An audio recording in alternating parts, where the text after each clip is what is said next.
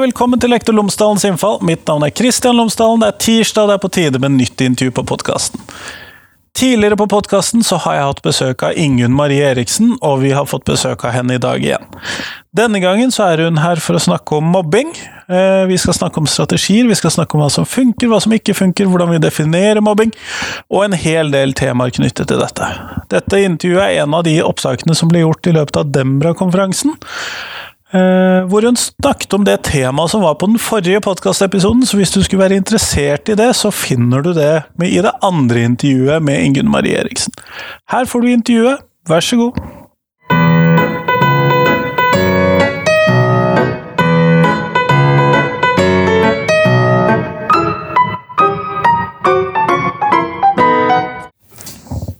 Ingunn Marie Eriksen, tusen takk for at du har tatt deg tid til meg i dag. Veldig hyggelig å være her. Du er jo tilbake for andre gang på podkasten. Ja, det er veldig koselig. Eh, før vi starter selve intervjuet, så har jo du riktignok tidligere fortalt tre ting om deg selv her. Og de, andre, de som har lyst til å høre hva du sa forrige gang, kan jo gå tilbake og høre det. Men har du noe du har lyst til å tilføye i dag? Altså, jeg husker ikke hva jeg sa, men jeg, så derfor så bare sier jeg noe, og så sannsynligvis er det det samme. Kanskje det ikke er det? Til glede for nye lyttere. Og det kan man da oppdage.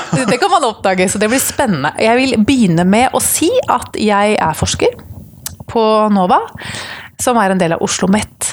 Og Oslo Met er jo et av disse, disse uglesette navnene som jeg føler altså har fått en ny vind nå, etter dette Vy har kommet opp. Ja, eh, plutselig blitt aktuelt. Ja, så plutselig har det blitt aktuelt. Ny kjeft å få. Eh, nå, og det er jo en litt sånn identitetsgreie for meg som tidligere har vært NOVA-forsker, for nå er jeg plutselig blitt Oslo Met-forsker. Så da er det bare å embrace eh, dette navnet, da. Så det jobber jeg med. Eh, men jeg må si at jeg er en av de, dette kan vi nå kalle fakta nummer to. Jeg er en av de som syns det er helt greit med Oslo OsloMet. Det er også en ting av meg. Jeg er ikke en av de som hisser meg opp over verken den gulfargen i logoen eller, eller det navnet. Det er helt ok. Den var i hvert fall ny fra forrige gang. Ja, den må ha vært ny, for det tror jeg var, eh, da, det var nok ikke tematikken da. Og så for det tredje kommer ikke på noe ennå. Nei, du er trøtt etter en togtur? Jeg er veldig trøtt. Jeg tok nattoget for første gang. Som var altså en så Jeg liker at vi binder nå dette sammen med Vy og NSB, for jeg tok da nattog i dag, i natt. Eh, som var en 99% veldig positiv opplevelse. Det var altså så trivelig. Og det beste er at jeg brukte jo ikke noe tid på reisen, jeg bare sov. Så våkna jeg opp, så var jeg i Bergen. Det var helt utrolig fint. Men jeg sov jo ikke så bra, så jeg er ganske trøtt nå. Så den siste prosenten der, det var at det er ikke så lett å sove på tog. Nei, det er ikke det. Så ja, så jeg er veldig glad i NSB, da. Det er kanskje det tredje tingen. Men du er, av, du er med på Dembra-konferansen, det er jo derfor du er i Bergen? Og her har du jo snakket om det som var temaet vårt forrige gang på podkasten. Ja. Men denne gangen, det jeg har lyst til å snakke med deg om, det er mobbing. Ja. Eh, og da må vi kanskje starte med hva er mobbing, da? Så la oss starte grunnleggende. Grunnleggende, ja. Er, du tror kanskje at det er grunnleggende, men egentlig nå så beveger du deg ut i skikkelig minefelt i mobbeforskninga. For her står jo Det er jo splidens uh, kjerne her. Hva er egentlig mobbing?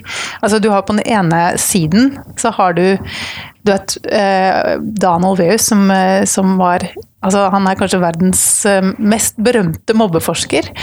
Jobba i Norge i, i mange år. Han kom den første mobbeforskninga, eller noe av det første mobbeforskninga, som hadde veldig sånn psykologisk perspektiv på mobbing, og som hadde på en måte den første og viktigste definisjonen. Og det blant annet i den så står det det at uh, mobbing er det hvis det skjer over tid. Hvis det skjer liksom flere ganger over tid, og hvis det ligger litt sånn vond vilje bak. Uh, og også at det er et maktforhold mellom den som mobber og den som blir mobbet. Som uh, er en definisjon som har fått mye den har jeg hørt mange ganger, for å si det sånn. Den er veldig kjent, den har vært utrolig viktig og nyttig, og alt det arbeidet han har gjort, har jo liksom løftet opp. Eh, før så tenkte man nok ikke på mobbing i skolen som det alvorlige problemet som man tenker på det i dag. Det skjedde jo noen liksom, forferdelige ting som løfta dette opp på en liksom, tabloid nivå, som gjorde at eh, dette her ble et sånn nasjonalt anliggende å gjøre noe med. Så, så absolutt. Men siden, siden, det så har jo også den eh, definisjonen fått en del motbør, da. Så på den andre siden så har du de som mener at man kan ikke gjøre det med mobbing til et sånt individproblem. Det handler ikke om at du er en mobber, og du er en mobbet. Du er svak og du er sterk, og derfor så skjer dette her. Heller så må vi se på det som en gruppedynamikk som, som oppstår i møte i et klasserom f.eks., hvor det er usunne dynamikker som skjer, og som, som, som gjør at eh, ungdommer eller barn på en måte blir revet med og, og oppfører seg på den måten. Eh, og det at en som er mobbet, og en som mobber, også ofte er den samme personen, gjør jo at man får liksom problemer med den eh, definisjonen. Sånn for egen del, som i vår forskning, så har vi jo sett at uh, den definisjonen, fordi den har så innmari sterk posisjon da, i norsk skole, den, den første Olveus-definisjonen, så gjør det det at uh, det kan få den konsekvensen at lærere eller, eller ledelsen da, ser på en utfordrende situasjon mellom to elever, så ser de Passer det som skjer her i denne situasjonen med den definisjonen? Nei, det gjør det ikke, fordi her har vi to elever som vi anslår er omtrent like sterke sosialt. Det er ikke én som er Så derfor er det ikke mobbing? Så derfor er det ikke, er det ikke mobbing. Og det, det, er jo greit nok i og for seg, det er hva man kaller det, så lenge man da ikke tenker og derfor skal ikke vi gjør noe mer med denne saken. De får lov til å løse det sjøl. Og det, den siste liksom, lille leddet der med at de, okay, de fikser det sjøl. Det er helt greit å ha en konflikt, liksom. Det må de lære seg å takle. Eh, det er jo ikke alltid sånn. Så det er utfordringen med å ha en, en definisjon som er veldig streng, og som utelukker, og som, og som også på en måte er implisitt knytta til lovverket. Ikke sant? At, uh, tidligere så var det jo sånn at uh, du skulle fatte et enkelt vedtak hvis du så mobbing. Og, og når du da ser at nei, det, det, er jo ikke mobbing det her, og så går du ikke videre med det, da har du et, et problem. Skjønner, skjønner. Så jeg ser at denne definisjonsbiten er litt problematisk. Ja, ja. Eh, det forstår jeg da. Men eh, du har jo da forsket på mobbing, og da har dere forsket på hva som eh, skolene, De skolene som lykkes med mobbing, eller reduserer mobbingen, hva de gjør. Hva er det som funker? Altså, vi gikk jo inn, For å ta det liksom fra starten av, da, så hadde ja. vi en, en ganske stor stor studie fra et oppdrag fra Utdanningsdirektoratet som ga en veldig sjenerøs eh, bevilgning for at vi skulle virkelig gå inn i dette feltet. Så den første biten av det var en sånn kvantitativ undersøkelse hvor vi sendte ut spørreundersøkelser til jeg tror det var 500-600 eh, skoler. Eh, for å blant annet spørre altså Det var mange ting i den delen av undersøkelsen, men vi spurte også om eh, For det første om eh, skolemiljøet har endra seg de siste fem årene, og om den endringen hadde noe med de tingene de selv hadde gjort å gjøre. Og så, så når vi skulle gjøre den kvalitative delen, og skulle liksom plukke ut noen skoler vi skulle gå videre med, så så vi på Ca. halvparten av de vi valgte ut, var de som hadde opplevd en endring, og som opplevde var ting som de selv hadde gjort, og som nå opplevde at de hadde veldig bra skolemiljø. Og det var rektorene selv som meldte om dette her, så man må jo ta den der med en klype salt. Men vi gikk jo siden inn og observerte disse skolene. ikke sant? Så Eh, det var i hvert fall et utgangspunkt å velge ut noen skoler da, hvor det kunne se ut som de hadde gjort noen gode grep sjøl. Fordi vi nettopp var på jakt etter å se liksom, hva er de strategiene skolene bruker. Um, og så hadde vi noen andre, andre, skoler som vi også valgte ut fra andre kriterier, men vi endte da opp med 20 skoler. Som, eh, det er, altså, et kvalitativt perspektiv så er det ekstremt mange skoler. Vi intervjua både ledelsen og en gruppe, fra, eh, gruppe lærere. Så vi endte jo opp med et veldig stort datamateriale som dreide seg om for det første hva gjør dere som funker? Hva er liksom de beina dere står på når dere arbeider med skolemiljø? Eh, det var det ene. Og det andre var liksom å få dem til å fortelle om skolemiljøet og hvordan de faktisk var, var Hva var utfordringene de så der, da. Eh, og de opplevde å liksom be dem å være konkrete og fortelle om sant, hva som faktisk skjedde. fordi det kommer jo veldig fort i festtaler eh, når man snakker om sånne ting. Og det, det, må man jo bare forvente, så vi prøvde liksom å få helt konkrete ned, ned på bordet. liksom. Ikke de der store svulstige beskrivelsene at vi har gjort en endring, liksom? Ikke sant, for de kommer jo, og det må man jo. Det, og mange tilfeller så var det nok også sant, og det er jo klart at man må jo få lov til å fortelle om det man har klart, men man må jo også se på hva som faktisk er realiteten nå, da. Um, så vi snakka med da 20 skoler om dette her, og så valgte vi ut fire av dem hvor vi var, gjorde feltarbeid i klasserommene og var i tre uker i hver. Og intervjua elever i tillegg. Så vi endte jo opp med et kjempefeltarbeid. Så Ja, det høres jo ut som ganske mye data. det var veldig mye data, men det som er poenget er ikke å sk- skryte av hvor mye data det var. Det, var mer at, altså det er ikke så veldig ofte at man får mulighet til å gå så dypt inn i noe eh, når man jobber med oppdragsforskning på den måten. Og, og det var en utrolig fin mulighet til å se liksom både hva gjør de faktisk?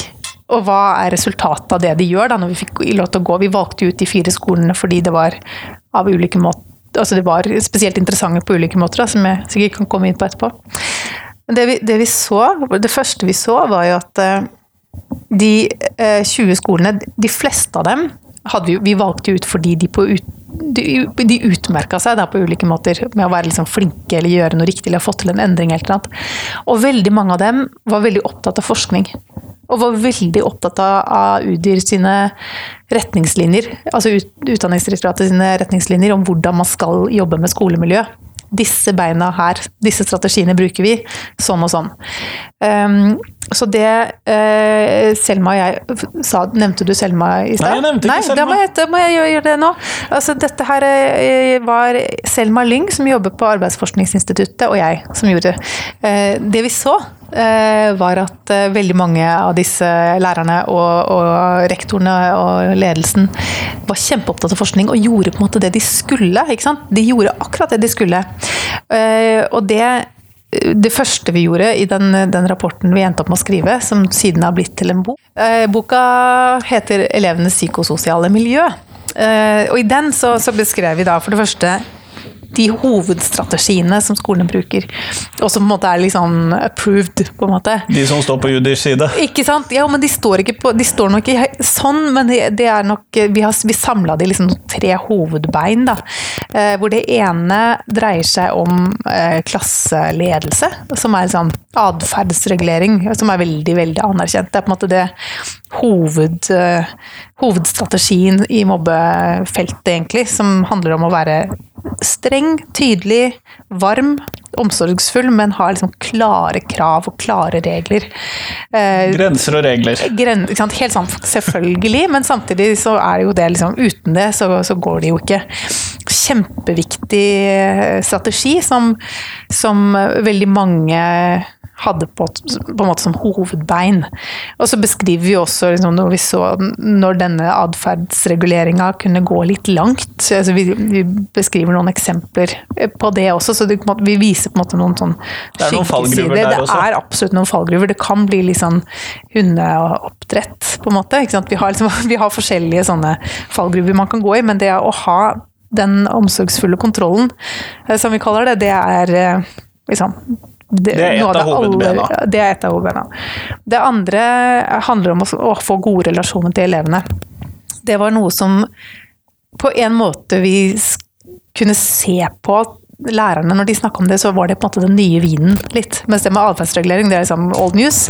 Så er det med, med relasjoner, er liksom, det er det. Det er det som er viktig nå. Relasjonskompetanse har jeg fått noen foredrag om på jobb. Ikke sant? Og det er kanskje ikke sånn at det kom på, på 80-tallet, men det er noe som du har fått liksom nylig. Ikke sant? Det er, det er jo Siste to åra. ikke sant? Det er noe som altså, Vi var jo rundt på disse skolene i 2015 og 16, nei 15, jeg husker faktisk ikke helt når, så det jo, begynner faktisk å bli noen år siden, men, men da var i hvert fall det virkelig det nye. da.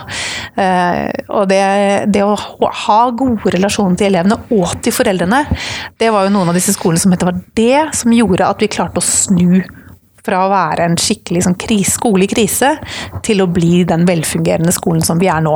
Ikke sant? Fordi at vi skapte gode relasjoner til, til elevene, og vi ringte hjem til alle foreldrene rett før foreldremøtet for å få dem til å komme og for å si at vi vil ha deg her. Det er folk som sender tekstmelding til foreldrene en gang i uka om at du, mor, lille Ole var altså så kul i timen i dag. Fordi han gjorde sånn og sånn. Bare for å få den kontakten både med elevene og foreldrene. da. Eh, Som igjen gjør at du ser elevene og kan bruke deres erfaring og deres behov inn i et positivt fellesskap. Da. Så det, det var også et, et veldig veldig viktig bein som mange var opptatt av, som er en hovedstrategi.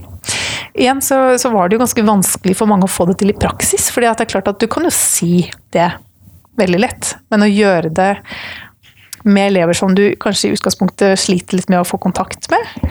Kjempesjenerte elever. Elever som bare liksom, du ikke klarer å koble deg på på den måten. Altså, det er vanskelig. Det er ikke alle lærere som er så flinke med relasjoner. Um, så, så den, og det igjen var litt sånn status som vi merka i intervjuene, at det er, det er kult å være den relasjonelle læreren. på en måte. Det er ikke så lett Den å som være får det til. ikke sant? Og det er ikke så kult å ikke være den som ikke får det til. Eh, og det er ikke så mens det med atferdsregulering følger det faktisk med en slags bruksanvisning. Det finnes det, Du gjør sånn og sånn. Du setter opp mål på tavla, du kan håndhilse når de kommer inn. Altså det er veldig sånn, eh, Du kan følge rett og slett noe sånn Det er lett å, bli, lett å vite hva du skal gjøre. Ikke sant? Og det, jeg mener ikke at det er spesielt, kan, det er jo vanskelig det òg, og krevende på mange måter, men allikevel så er det mye mer eh, mot oppskriftssida det enn å få en god relasjon til folk, for det handler så mye om personlighet og liksom anlegg. Eh, Og ikke minst kjemi.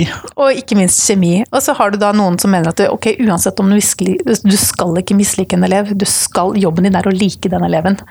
Eh, som, som mange andre fant liksom utfordrende, da. Eh, så det var på en måte de to hovedbeina som, som det var masse prat om.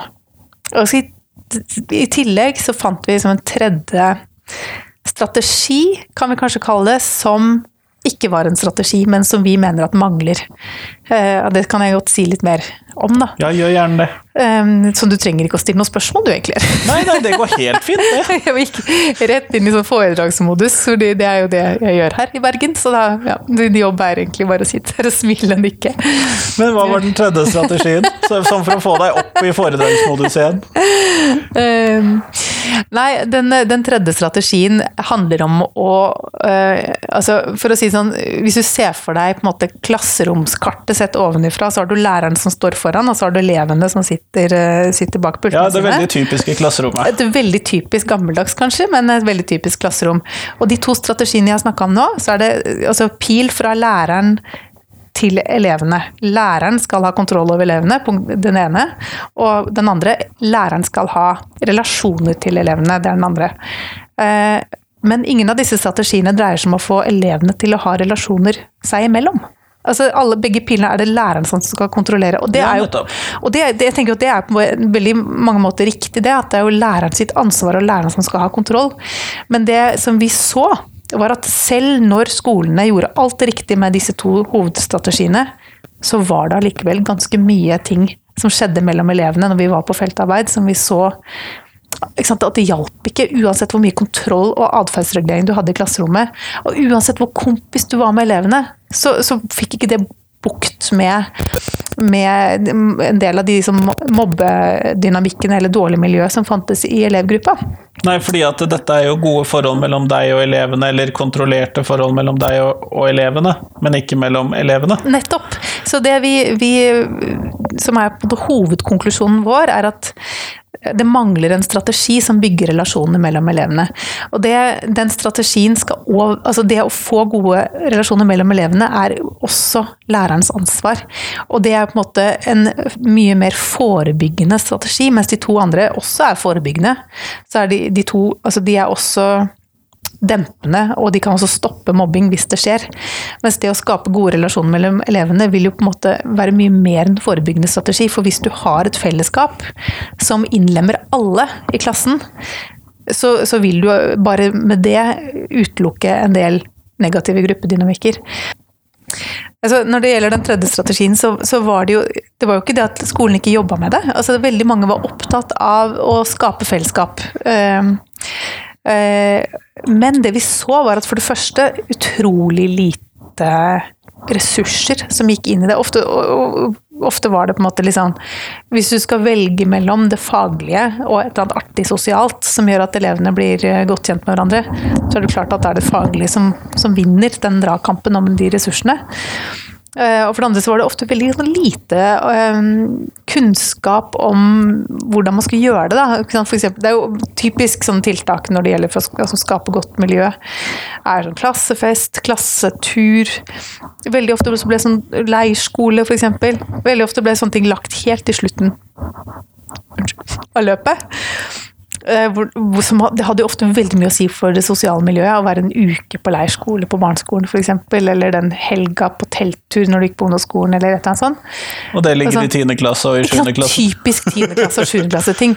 Og det med god grunn. Du vil jo ha så modne barn eller ungdom som mulig når du gjør sånne ting, men samtidig så bare å, Kunne du ikke bare gjort det i begynnelsen, når du hadde fått liksom, mulighet til å virkelig sette det sosiale miljøet på en god tone, som de fikk nytte av resten av tida der, da. Samtidig så høres det jo veldig skummelt ut for de elevene som sliter litt sosialt. Da. Det var det andre som jeg skulle følge opp med, takk. Fordi det, det andre som var sånn litt ubetenksomt ofte, var at eh, når du har negative dynamikker i en klasse, så blir de bare forsterka av drap. Sånn. De blir ikke noe bedre med mindre du har går inn i det med en, en strategi og en løsning som er uhyre vanskelig, selvfølgelig. Men, men eh, det er vanskelig når elevene skal på en måte være i fri flyt, at ikke sånne sosiale dynamikker blir forsterka. Så man kan ikke bare ha det er, det er det vi peker på når vi sier at det er en mangel her. Så handler det ikke bare om at det mangler den type strategier i det hele tatt. For de fleste skolene har jo nesten ikke noe sånne tiltak. Eller har bare ballet denne gangen. Litt tilfeldig. Ikke sant? Litt tilfeldig og lite systematisk. Men den andre biten er at det er så lite kunnskap om hvordan man skal gjøre sånne tiltak, at, at ofte så, så, så skjærer det galt bærer det galt av sted. Eh, fordi at det er ingen strategi, og det er, det er lite sånn forståelse om hvordan man kan motvirke sosiale dynamikker i klassen. Um, så det, og Grunnen til at vi kom til at det mangler, det var jo den andre delen av, av studien som jeg snakka litt om i stad, nemlig at vi var på skoler og observerte, og vi snakka med veldig veldig mange elever. Eh, Og vi ba også lærerne om å fortelle om konflikter eller, eller utfordringer de hadde blant elevene. da. Og så så vi at selv på de skolene som gjorde liksom alt det de skulle, hadde alt på stell av de der to hovedbeina, de var super omsorgsfulle og kjemperelasjonelle, de var på fornavn med alle elevene. Alle mine, alle, det fins ikke mine elever, alle er våre elever. Ikke sant? De hadde alle de riktige sånn, tingene, og de var strenge. De hadde alt, alt på plass. Samtidig så var det så mange utfordringer, men de utfordringene de handla om grovt sett to forskjellige utfordringer. Det ene var de tingene som lærerne var kjempeopptatt av og bevisst på og så. Og den, det var stort sett det de kalte for jentegreier. Det var helt umulig. Og, altså, hver eneste skole hadde jentegreier, og det snakka de altså så mye om. Som noe som det var nesten umulig å få bukt med. For det kom opp igjen og opp igjen og opp igjen. Jenter bare er sånn. Jenter bare er sånn. Og det, det er som en sånn derre troll som, som dukker opp med liksom, Du hugger av ett hue, og så plopper du ut et annet hue på et annet sted til en annen tid. Det går over tid, og det går også liksom, blant forskjellige folk. Og hun som er dronninga en dag, hun er på en måte utstøtt en annen dag. sånn at mobbedefinisjonen som vi snakka om i stad, funker jo overhodet ikke. fordi at dette er jo ikke mobbing, dette er bare jentegreier. Ikke sant? Apropos det vi snakka om. Det bare viser hvordan den litt sånn rigide definisjonen ikke møter praksis så veldig godt. fordi at det, det er jo ikke det at det nødvendigvis alltid er mobbing, men det? Det samme kan det være litt i disse tilfellene. Fordi det er noe som må jobbes med fra skolens side. Uheldige dynamikker. Uheldige dynamikker mellom jenter hvor det ofte er mobbing, og ofte er det noe i grenseland. da. Så det, det var det, det ene liksom det, det som dreier seg om relasjoner mellom jentene, hvor det hjelper ikke så veldig mye at du er bestevenn med, med disse jentene. Nei, for du er bestevenn bestevenn med den ene, og så med den andre, og med den tredje, og med den fjerde, men ikke de de er ikke venner seg imellom, eller de har en uheldig dynamikk seg imellom. Det hjelper ikke at du er streng i klasserommet, for det er ikke i klasserommet at dette skjer. ikke sant? Det hjelper heller ikke at du observerer i friminuttet, for dette, her- dette her skjer jo med Det er jo derfor det kalles for skjult mobbing. Det er skjult når det skjer. Men litt sånn paradokset i, i skjult jentemobbing er at det kanskje Ofte så er det sånn at det er skjult når det skjer, men det er faktisk ikke så veldig skjult i mange tilfeller i ettertid. Det er jo derfor også veldig mange kalte det for drama, jentedrama, fordi at det blir Det får liksom preg av å være drama. Jentene kommer eh, og sier fra til læreren, og jeg vet at dette er en grov generalisering, altså det er jo men jeg kommer tilbake til det. Men i mange tilfeller så er det sånn at jentegreier, i anførselstegn, får sånn preg av å, å være sånn for et publikum, da. Fordi det, det, får mye, det får mye oppmerksomhet, og det, det er vanskelig å bli kvitt det. Det betyr ikke at man ikke skal ta det kjempealvorlig, og at at det er veldig smertefullt for dem som opplever det. Men det betyr også at det er en del annen type skjult mobbing som ikke blir sett. Også skjult mobbing mellom jenter som ikke er så dramatiske. Og som ikke løper til, og som ikke kanskje er bestevenner med læreren. Ikke sant? For det er jo en av de fine tingene med, med å ha nære relasjoner til elevene, er jo at du får høre om ting når de skjer. Ja, det er jo ganske praktisk. Det er veldig greit, men det er jo også en utfordring når det er elever du ikke har så god relasjon med, som du ikke, da, som du ikke får hørt eh, hva som skjer, og da er det ikke sikkert man får høre om denne skjulte mobbingen. Vi, vi, vi snakker om harde nøtter og blinde flekker i den boka. Og dette her er en typisk hard nøtt. Men det er også noen blinde flekker. Og noen av de blinde flekkene handler jo også om, om kjønn. Da. og den ene tingen som, som lærere ofte ikke ser, handler om skjult mobbing mellom gutter. Fordi det er ikke sånn at uh, skjult mobbing bare er en jentegreie. Skjult mobbing er også en guttegreie. Um, men skjult mobbing mellom gutter er dobbelt skjult, fordi den er skjult når den skjer. Altså, nå generaliserer jeg igjen, da, men, eh, men eh, ja. Det, det, må vi jo gjøre. Jeg må, jeg må, gjøre det nå, for nå, nå, er jeg litt sliten i pappen. Men, men, det betyr ikke at det alltid er sånn. Men ofte så ser det ut til å være sånn at at eh, skjult guttemobbing er både skjult når det skjer, men også skjult i ettertid. At det kommer ikke fram. Så, så, så ja, for det er ikke noe de løper om eller fra om eller eh, nei, sier fra om? Nei, og det er heller ikke noe som lærerne ser, for de ser ikke etter det. Og da, da, blir det helt skjult. Og, og, da ender det opp med erfaringer som, som noen av de guttene vi intervjua, som bare sier at Altså, vi er bare ikke blant de kule, på en måte. Vi er liksom nederst på rangstigen. Eh, og som opplever det bare som en liksom personlig nederlag. At du er bare ikke kul, liksom. Du er bare ikke inkludert. Du blir ikke invitert med. Du er liksom Så når vi snakker om uh, skjult mobbing, så pleier vi å tenke at det er liksom utestenging, baksnakking, ryktespredning og ting som på en måte skjer liksom litt i det skjulte. da, Blikking f.eks., eller ting som ikke ikke er direkte, synlig. ikke så synlig, ja, mens det motsatte er på en måte direkte mobbing, som er synlig eller hørbart, da, liksom skjellsord eller, eller eh, Noen blir banka opp, eller? Noen blir banka opp. Og det historien eh, over tid så har vi jo sett at eh, det har gått ned, direkte mobbing. Mens skjult mobbing har blitt mer vanlig, og også andre sånne introverte måter å reagere på, som psykisk sykdom f.eks., eller psykisk uhelse, har blitt mer vanlig, mens utagerende atferd har blitt mindre vanlig. da. Det blir jo kanskje også straffet tydeligere fra skolens side. Ikke sant? Og med de strategiene ser, som særlig disse skolene har brukt, så, så forteller jo det altså Før så var det mye utagerende oppførsel. Nå som de har fått disse hovedstrategiene på plass, så har de fått bukt med det. Ikke sant? Det er det som blir tatt.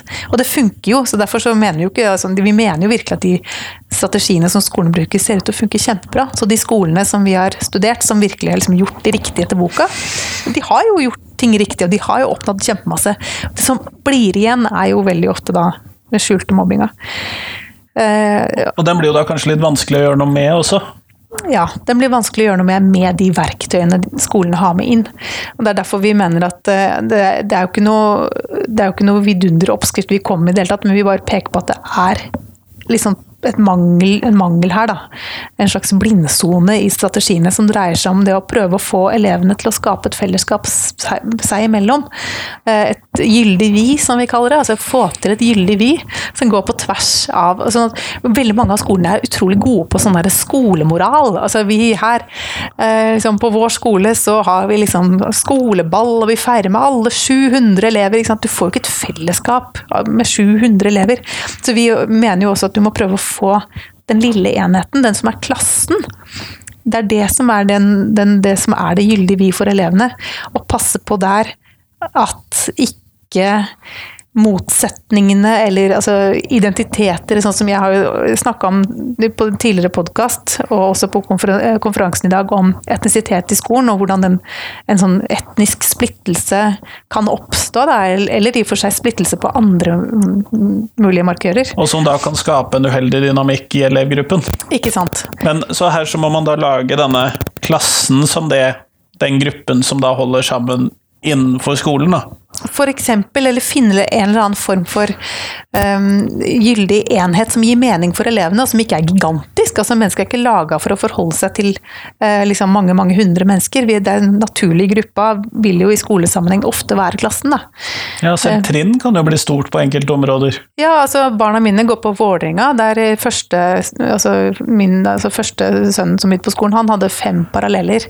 Så, så Parallellene var jo like store som da var Det faktisk på samme samtidig som jeg var rundt omkring på ganske mange skoler rundt i Norge. og da, så altså, Mange av de skolene vi var på var jo mindre enn bare trinnet han gikk på. ikke sant? Så det er ikke alltid at trinnet... Ja, for da snakker vi 100-150 elever. ja, det snakker vi, og det var jo liksom maksa ut klassestørrelse, selvfølgelig, så det var jo ganske mange. Så, det, så da for, for skolen vår sin del, da, så er det jo klassen som absolutt er den som gir mening. Betydningen av å få til en form for fellesskap. Jeg tror det, det, som, det som gjorde at det åpenbarte seg for oss, var jo at vi var i en klasse som virkelig fikk til dette her. Eh, Som fikk til disse relasjonene mellom elevene. ja, og som fikk til, hvor, hvor de var veldig bevisste på det. Nettopp det. Å bygge opp den liksom den, øh, hva skal jeg kalle det, en sånn slags sånn identitet med at her i klassen vår så er vi greie med hverandre. Her Vi er 5B, og vi er greie med hverandre. ja, ikke sant? Vi er den klassen som inkluderer alle. Ikke sant? At de fikk et sånt bilde av seg selv. Da. Som de, de lærte seg fra, fra liksom tidlig av, som, som inkluderte alle i den klassen. Og her er vi forskjellige. Og det liksom omfavner vi. eh, Som på en måte en del av klassens fortelling om seg selv.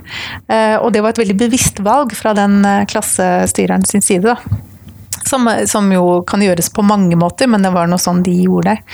Som vi kanskje ikke hadde sett så mange andre steder som gjorde det så bevisst og fikk det til så bra. Men er det noen sånne typiske strategier som hører med inn under en sånn inn i et sånt ben, for å få det til? Hvis vi da skal ha disse relasjonene mellom elevene som det tredje benet. Mm. Men er det noen sånne strategier som funker godt innenfor det, for å få det til? Mm. Eh, altså det ene er jo det der med å gjøre ting sammen, og bruke tid sammen. Sånn med sosiale aktiviteter, rett og slett, da, som jo mange skoler gjør.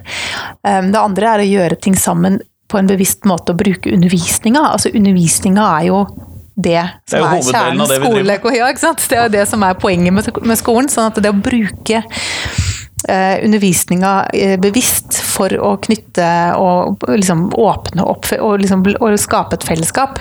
Det fins det faktisk eh, eller det er sånn, eh, liksom, hva skal vi si, begynnende forskningsfelt hvordan man kan gjøre det. Så det er jo veldig spennende å følge med på. Da.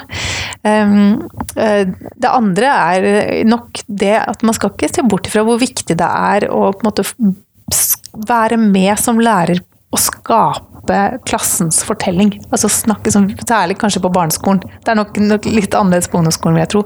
Men å, å bruke den makta du har som lærer til å liksom si å liksom lage, skape den fortellingen om oss selv, og ikke la elevene få liksom bukta begge endene i å på en måte styre showet. Og, og, og, sånn- og, sånn som den skolen som jeg snakka om på, i forrige podkast, hvor elevene hadde nok, de hadde nok lite lærerstyring. Svært lite lærerstyring, og hvor det ble på, det ble på en måte opp til elevene å, å lage de sosiale fellesskapene som, som fikk en veldig, veldig sterk og uheldig dynamikk. Da. Um, hvor, hvor jeg tenker at her kunne lærerne gjort veldig mye. Dette var nå en videregående skole, så det er nok kanskje vanskeligere jo eldre Ja, de blir med, de blir jo ganske bestemte etter hvert. De blir jo det, men samtidig så, så har læreren fortsatt en autoritetsposisjon. Men jeg tenker kanskje at barneskolen så Det er jo veldig klar lærerfigur. Hvis du, hvis du vil det i barneskolen, så Ja. kan du være ganske tydelig. Pluss at du har jo færre lærere å forholde deg til på barneskolen enn du har oppover i systemet, selvfølgelig. Sånn, Ingunn, da går vi mot slutten av podkasten her, eh, og jeg skal slippe deg fri i Bergen by. Eh, Men tusen takk for at du tok deg tid til meg under Dembra-konferansen. Det var veldig hyggelig. Tusen takk for at jeg fikk komme.